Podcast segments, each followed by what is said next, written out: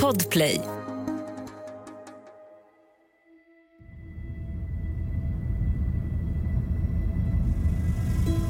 Det är måndagen den 12 september 2022. Jag, Urban Järdek, sitter i en bil på väg mot Etelhem på mellersta Gotland. Bagageutrymmet är fullastat med hjälmar, varselvästar och annan skyddsutrustning. Efter månader av arbete och förberedelser så är vi äntligen framme vid den avgörande dagen. Idag ska vi äntligen påbörja arbetet med att gräva ut den före detta tippen i Etelhem. Platsen där nya tidigare okända vittnesmål pekar på att bulvanen befann sig dagen efter Sven Sjögrens försvinnande. Platsen där skelettsökhunden Breeze i början av sommaren 2022 markerade för mänskligt skelett på ett flertal platser.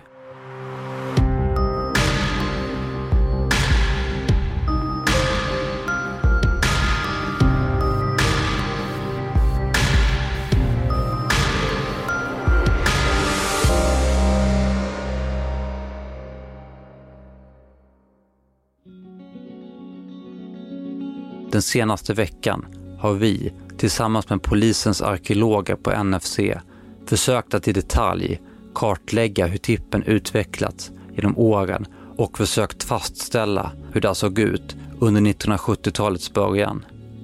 Dels genom att studera gamla flygbilder, dels genom att prata med flera av de personer som arbetat och levt intill tippen åren kring Svens försvinnande. Var, var det så att man tippade då, att man åkte in på den här vägen eh, ner mot grustaget och tippade liksom längs med den vägen på något vis? Ja, det var längs med den vägen. Då tippade man in och så fick man... Och sen fortsatte grustaget, det fortsatte liksom västerut och norrut liksom? Ja, just det. Jajamän. Man ser att det är vegetation längs med banvallen där, så, men sen så är det något som är mellan den här vegetationen och där man ser att det är grustag. Där är det ju någonting som är lite mörkare. Ja, just det. Om det skulle kunna vara tippmaterialet då? Det kan det vara. Jajamän. Det kan det vara, okej. Ja, intressant. Har ni bara grävat igen eller? Eh, det, på måndag börjar vi gräva. På måndag? Okej. Ja, Jajamän. ja. Ja. De var allihopa överens. Den del av tippen som var aktiv i början av 70-talet var även precis den del av tippen där hunden hade markerat. Kommer du ihåg den här tippen från din ungdom, hur det såg ut på 70-talet och sådär? Ja, det, där eh, gick man körde upp den där eh, som ligger lägst. Där körde man upp och sen tippade man och sen fyllde på efterhand då. Ja. Så jag, jag tycker det här eh, spetsen uppe som ni är på, det där tror jag det ska finnas något i så fall. Resan fram till utgrävningen har varit lång och kantad av motgångar. Processen att få regionens tillstånd har inte varit helt enkel. Jesper Olsson, den polisiära arkeolog från NFC som skulle närvara vid utgrävningen, hade hört av sig kvällen innan och berättat att han hastigt insjuknat i feber och förkylningssymptom. Men förhoppningsvis skulle han och hans nyblivna kollega, arkeologen Kristoffer Hagberg, kunna hjälpa oss på distans under dagen.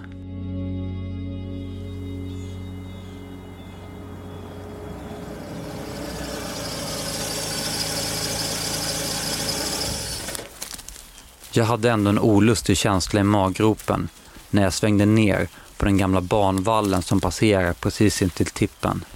Hur skulle det gå? Skulle vi verkligen klara av det här själva?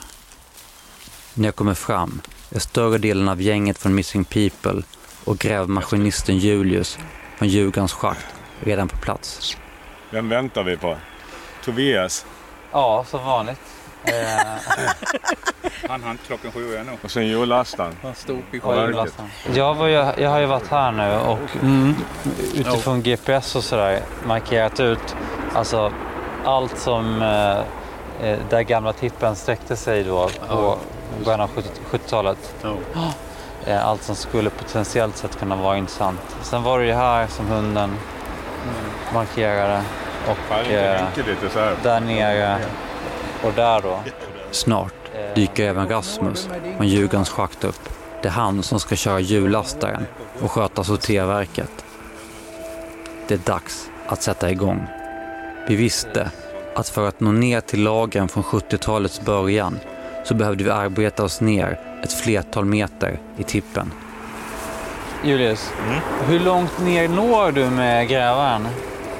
Oj, det är nog en skaplig bit. Ja, det här då, den platsen där, det är där hunden markerar upp- uppe på tippen. Mm. Och det är väl egentligen någon slags utgångspunkt.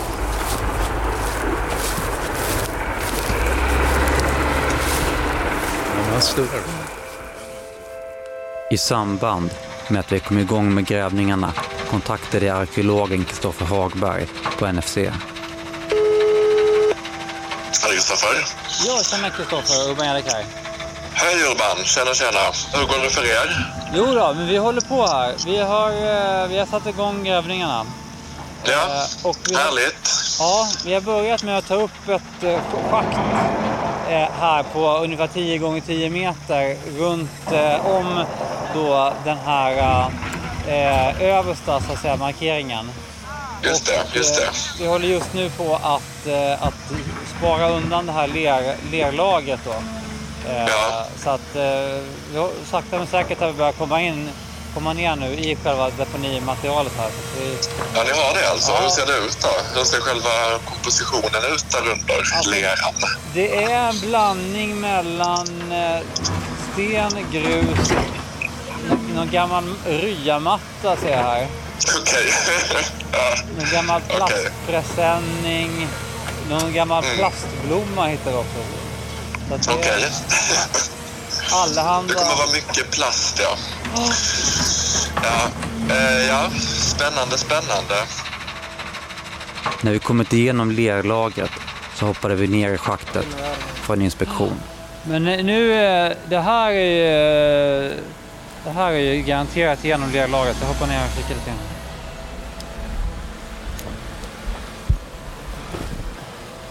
Fan, det är plankor och allt möjligt skit alltså. Ja. Hur går det att gräva igen det här då? Ja, men det går jättebra. Men det är frågan vad vi gör av allting.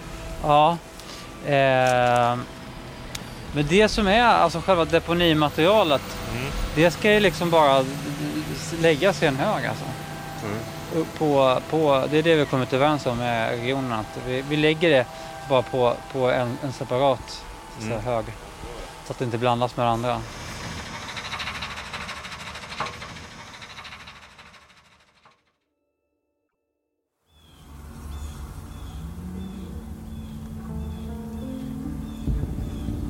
Medan Urban fortsatte att kontrollera deponimaterialet som började komma i dagen i schaktet så gick jag, Tobias von Braun, bort för att kontrollera sorterverket som nu också kommit igång.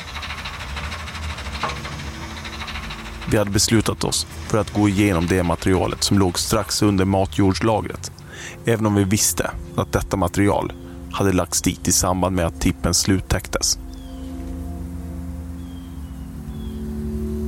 När jag var på väg bort mot sorterverket såg jag Conny Lautin, en av de medlemmar av Missing People som varit mest engagerad i sökandet efter Sven Sjögren.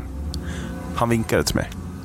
Jag trodde att han ville hälsa och vinkade tillbaka, men han fortsatte att vinka. Jag såg då att han hade något i handen. Det var ett ben.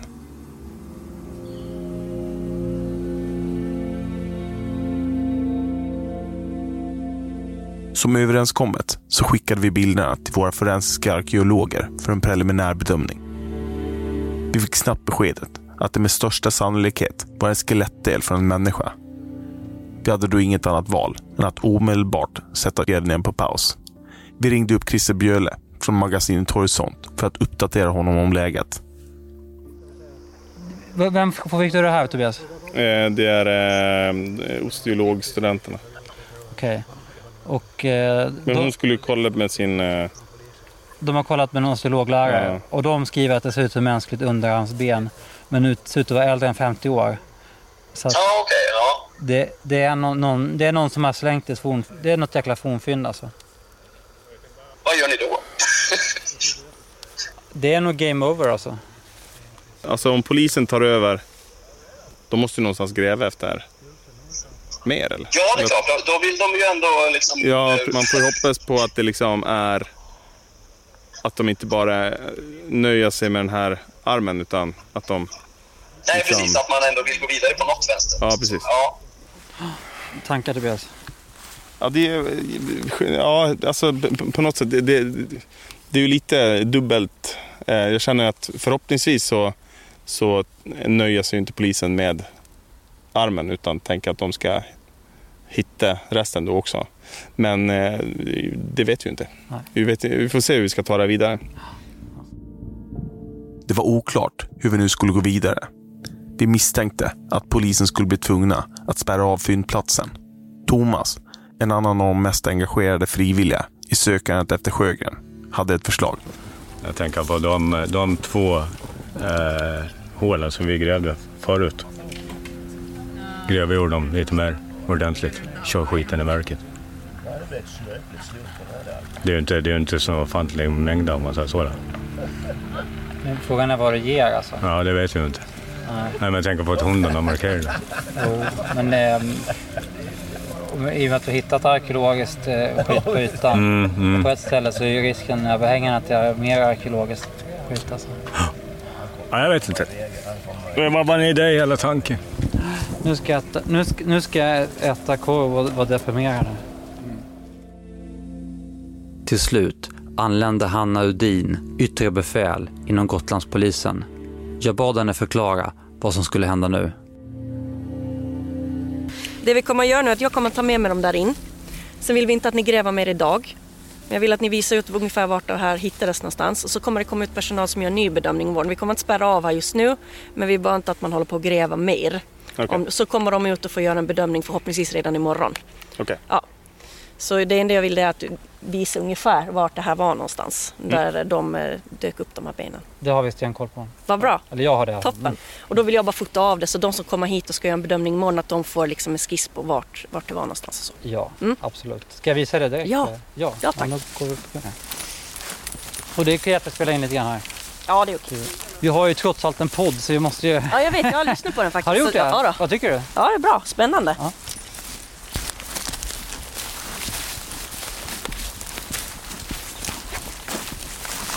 Sådär, då ska vi upp och kika. Eh, tänk det här att det här är, eh, vad heter det, fyra kvadranter. Mm. Eh, delas här, delas mitten Mitt där. Mm. Då är det den kvadranten som är här. Eh, den nordvästra, nordvästra kvadranten. Eh, Från lerlagret och upp till eh, vad heter det, matjordslagret där. Mm. Det körde vi i sorterverket och det var då vi fick, fick fram.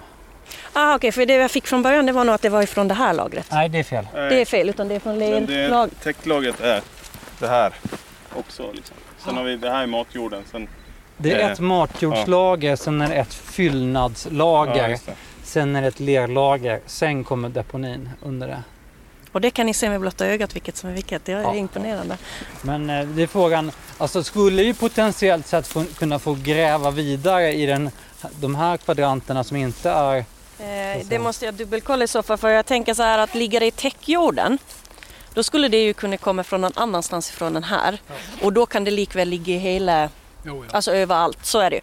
Det jag kan göra det är ju att nu, jag åker in, eh, jag ska ta med mig de där bitarna och så åker jag in till stationen. Då får jag, då får jag samspråka med teknikerna in och fråga hur fort kan ni komma ut och titta och göra en egen bedömning. För är det så att det kommer ifrån själva täcklagret, ja men då, då behöver det kanske inte ha med just Sjögren att göra överhuvudtaget. Nej. Ja, Jag tänker bara maskin och allting. Det Ja, blir ju stopp. det. Det tickar ju jättepengar. Men jag kan, eh, för det kan vara så också, de, har inte den, de kan inte göra den bedömningen hur gammalt det är, hur länge det har legat så va. Men eh, jag kan i alla fall försöka få dem att komma ut så fort det bara är möjligt. Så ni kan få fortsätta sen.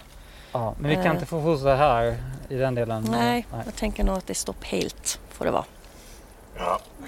Känslan är, den är inget bra. Den är för jävlig. Det, var här, det, är ju det, här som, det var ju det här jag frukt, fruktat hela tiden. Att det, att det skulle vara någon jäkla fornfynd som hamnat här i samband med att man täckte över tippen. Och vi trodde ju att vi hade, att vi hade grävt ut eh, allt det som man eh, så att säga, tillförde när man stäng, stängde igen det här på eh, början av 2000-talet. Men det visade sig att det var ungefär en meter till eh, nedanför det här matjordslagret som man har lagt på också då, ovanför lerlagret. Och när vi sorterade igenom det, då hittade vi vad som sen visade sig vara en del av en mänsklig underarm. Så att, det, ni vet det? Polisen säger att de har kollat det med osteolog och att det är bekräftat.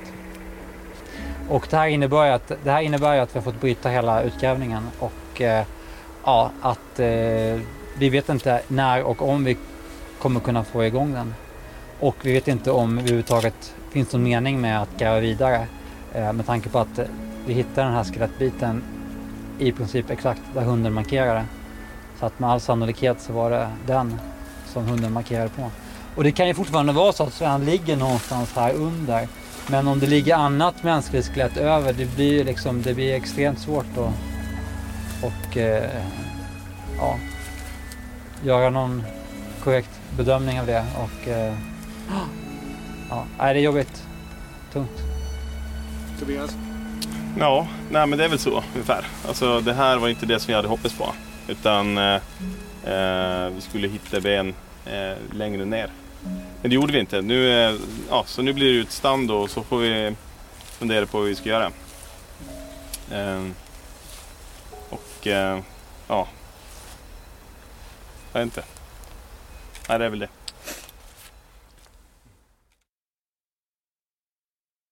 Grävningen var så stoppad helt. Framtiden för utgrävningen såg mörk ut. Och vad var det egentligen vi hade hittat? Vår omedelbara känsla var att det måste röra sig om någon slags fornfynd som hamnat på platsen i samband med övertäckningen. Jag ringde upp arkeologen Kristoffer Hagberg för att resonera. Tyvärr för er så är det ju så att eh, det är ett människoben och det är ett människoben i en oklar kontext. Det vill säga vi, vet, vi kan inte veta exakt var den kommer ifrån. Det är ett omrört lager men det kan ju vara ett omrört lager eh, som ändå är ifrån platsen som har lagts här eh, ovanpå. Eller så är det jord hämtat någon helt annanstans ifrån. Så att det där, man måste ta reda på mer kring själva kontexten kring det här eh, jordlagret där, där benfyndet kom. Du tänker att, att det skulle kunna vara att man har tagit delar, någon, an, någon annan del av tippen och, och, och, och blandat ut det så att säga när man har, har eh, att det hamnar med i, i själva teckningen? Ja, det, det, måste man ju titta på då i så fall. Vad, vad, är det för typ av, vad är det för jord som ligger där helt enkelt? För är, är det mänskligt så måste vi försöka utröna om vi, allt vad vi kan, vad vi kan ta reda på vad, vad, det, vad det skulle kunna komma ifrån. Efter samtalet hade ändå en strimma av hopp tänts. Att man schaktat upp material för att jämna till tippen när den täcktes över verkade som den rimligaste förklaringen. Och i så fall kanske benbiten ändå kunde komma ifrån tippen. En sak rådde det i alla fall ingen tvekan om.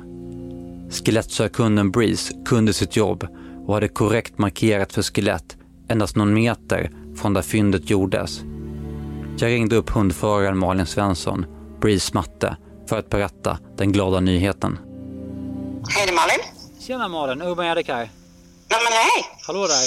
Du, vi kan i alla fall uh, berätta att uh, Breeze kan hitta människoskelett. Oh my god. Gud vad skönt. Vad har ni hittat? Ja, vi har hittat en bit av en underarm. Åh, oh, herregud. Ja.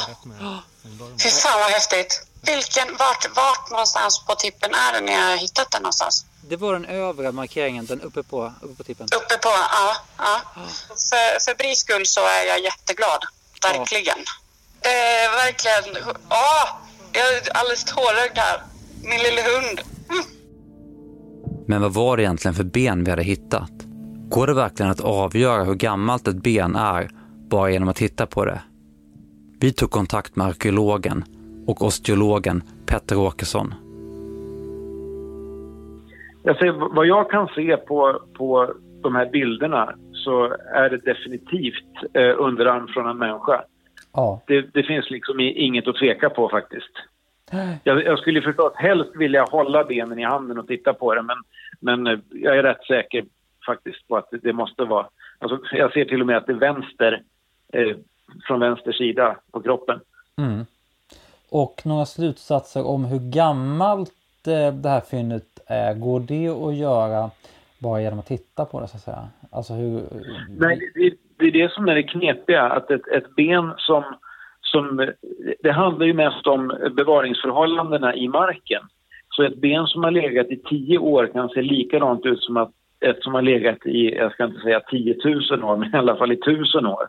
Det, det är bara beroende på syretillgång och eh, fuktighet och så vidare. Okay. Så det går inte alls att säga hur, hur gammalt det, det är.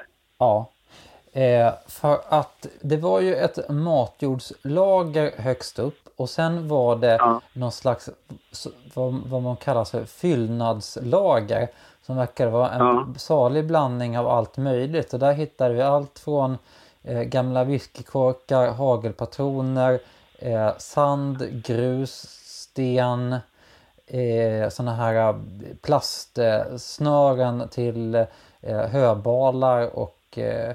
ja, påminner ju mest om något slags soptipsmaterial det också. Då, då. Ja, just det. Eh, så att det vi funderar på är var, var har det där så kallade fyllnadsmaterialet egentligen, var har det kommit från? Om det kan vara något som ja.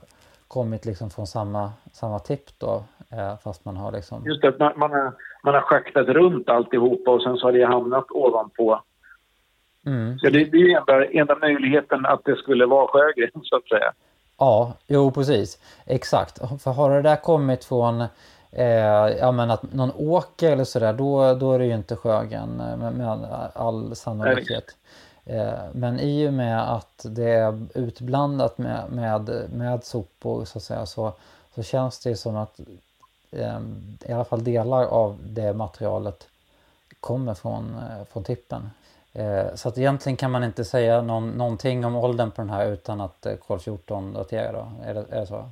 Ja, exakt.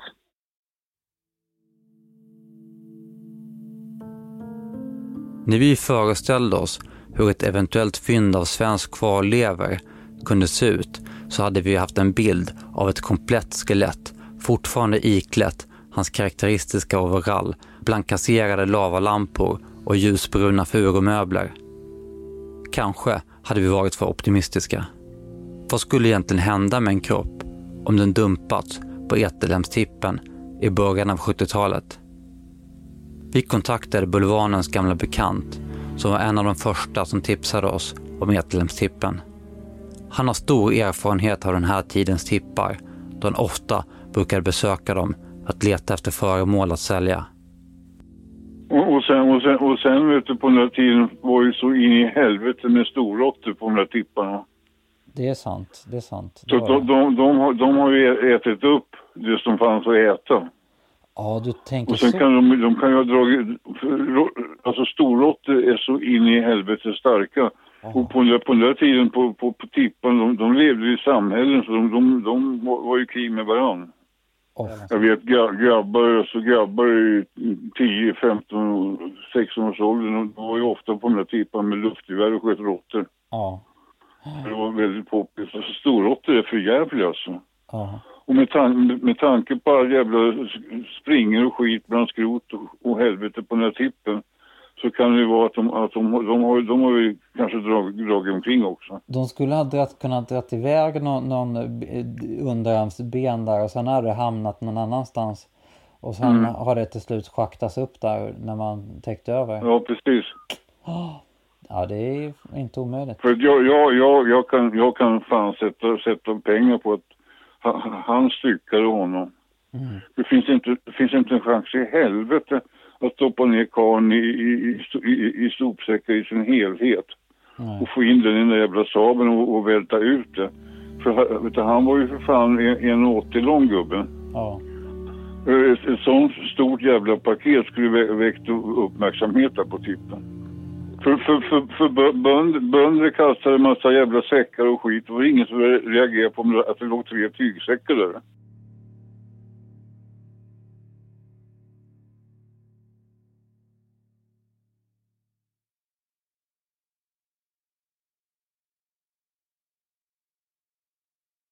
Nästa dag stod arbetet stilla i väntan på besked från polisen. Till slut fick vi kontakt med Christian Gardelius som i nuläget hanterar ärendet då ordinarie samordnare Per Bäckström är på semester. Ja, och jag hörde här, jag fick precis av våra tekniker och vår dödsfallsutredare idag. Man kommer skicka den här benbiten på en kol 14 undersökning Mm. eh, och sen samtidigt se om det är humant eller om det är djurben. Ja. Eh, och då sa tekniken så här, om det nu skulle framkomma att det är det och att Ja. det är från modern tid, då skulle vi kunna spärra av då, har Ja. han sagt. Ja. Det är klart att det rent krasst skulle kunna vara någon som eh, liksom försvann på 70-talet, men det skulle även kunna vara nyare. Liksom. Eh, så, och det där måste man ju utreda i så fall då. Eh, men under den tiden så, eh, ja, jag ser ingen anledning till att spärra av eller att man skulle eh, liksom förhindra er från att, eh, från att arbeta mer där ute. Och det är ju ingen brottsutredning. Eh, det är ju bara en, en, en, en utredning om en försvunnen person helt enkelt när det gäller Sven Sjögren. Ja. Som jag förstår på en tekniker så, så, så bör ni kunna fortsätta gräva.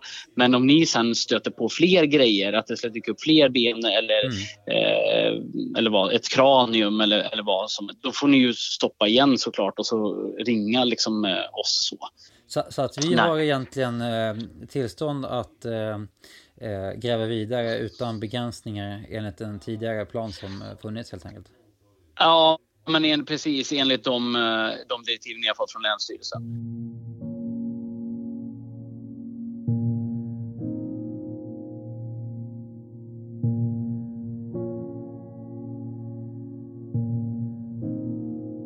Johan Bengtsson är en av de personer som växt upp med fallet ända sedan hösten 1972 och som följer utvecklingen noga än idag. Vi ringde upp honom för att berätta den glädjande nyheten om att vi fått polisens tillstånd att fortsätta grävningarna. Vad jag förstår så var det ju eh, tillfyllnadsjord som den låg i. Ja, just det. Jord som ska användas för att eh, skyla över den här tippen då. Jo, precis. Men, men eh, det, det, det gjorde mig lite besviken när jag läste det. Men eh, Ja. Det, det gjorde, vi, vi tolkade det också så från början. Men det har visat sig att det här fyllnadsmaterialet, det, är- det är också taget från tippen. ja, vad bra. Så Vad det, bra. så det är tippet material som, som man Okej. har använt som för att liksom, vad ska man säga, för, för att få eh, för att få tippen att liksom se naturlig ut eller sådär. Ja, just det. Så det, det var alltså inget några lass som var ditkörd från annat håll då, utan Det ser ut precis som, som det gör under lerlagret. Det är liksom massor skor och plastpåsar och, och, och, och tidningar och allt möjligt som ligger i det här materialet. Så det är liksom tippet material. Men du, hunden gick ju dit omgå, eller tog det ju direkt, eller hur? Ja, det här är det är första träffen som, den, som hunden hade, Ja. som, som den, eh, eh, som den eh, markerade på. Och det är den, den träffen som, eh, där vi hittade, vi hittade faktiskt till och med två skelettdelar där.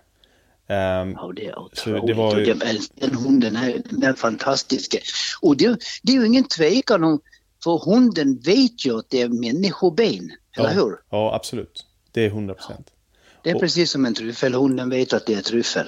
Jo, precis. Men det vore ju fantastiskt om det var så. Då ska jag fira.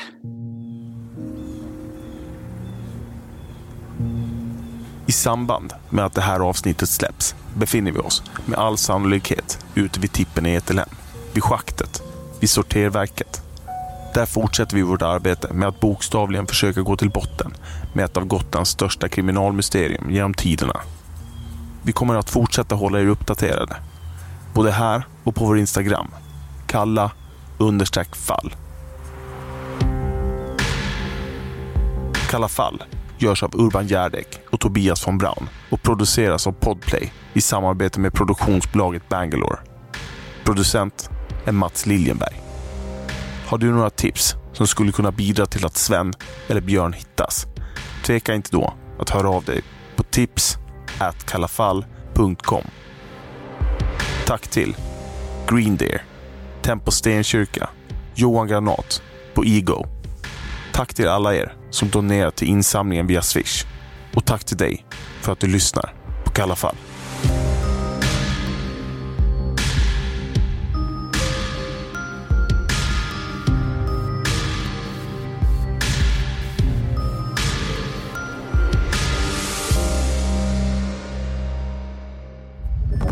Podplay, en del av